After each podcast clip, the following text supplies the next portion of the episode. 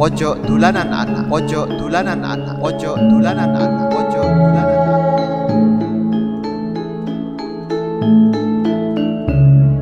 Pojok dulanan anak, pojok dulanan anak, pojok dulanan anak, pojok dulanan anak.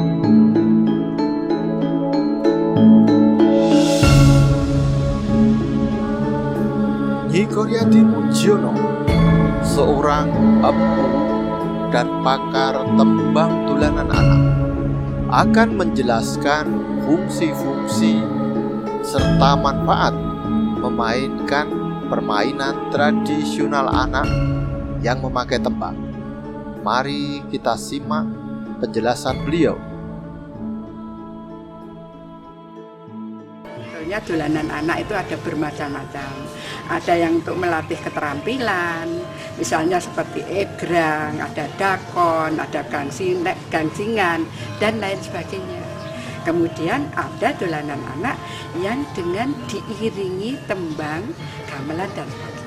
Kita bisa membentuk watak agar berbudi pekerti luhur, kemudian bisa berprestasi, kemudian bisa berdisiplin, sabar dan lain-lain.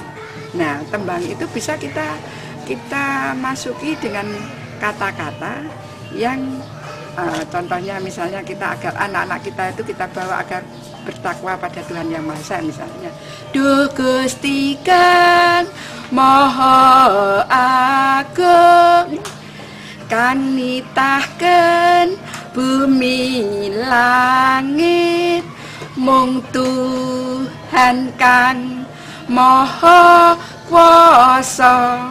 Mung Tuhan kang maha suci. Ini kan jelas anak-anak kita ajak untuk tahu atau bertakwa pada Tuhan yang Maha anak-anak itu biar tidak takut sekolah. Ya ini juga sambil budi pekerti juga juga sambil melatih agar dia tidak takut sekolah. Itu juga ada lagunya kita masukkan. Aduh simbah kula pun mlebet sekolah. Kanca kula sampun kathah. Aduh aduh simbah. Kula sampun boten wegah saben ending.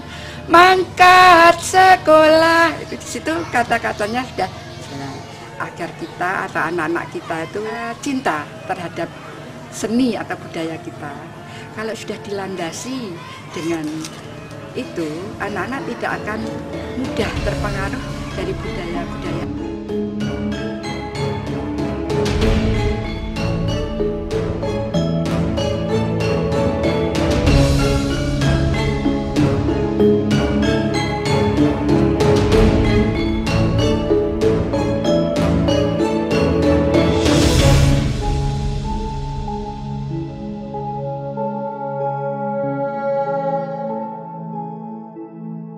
Pojok dulanan anak, pojok dulanan anak, pojok dulanan anak, pojok dulanan anak.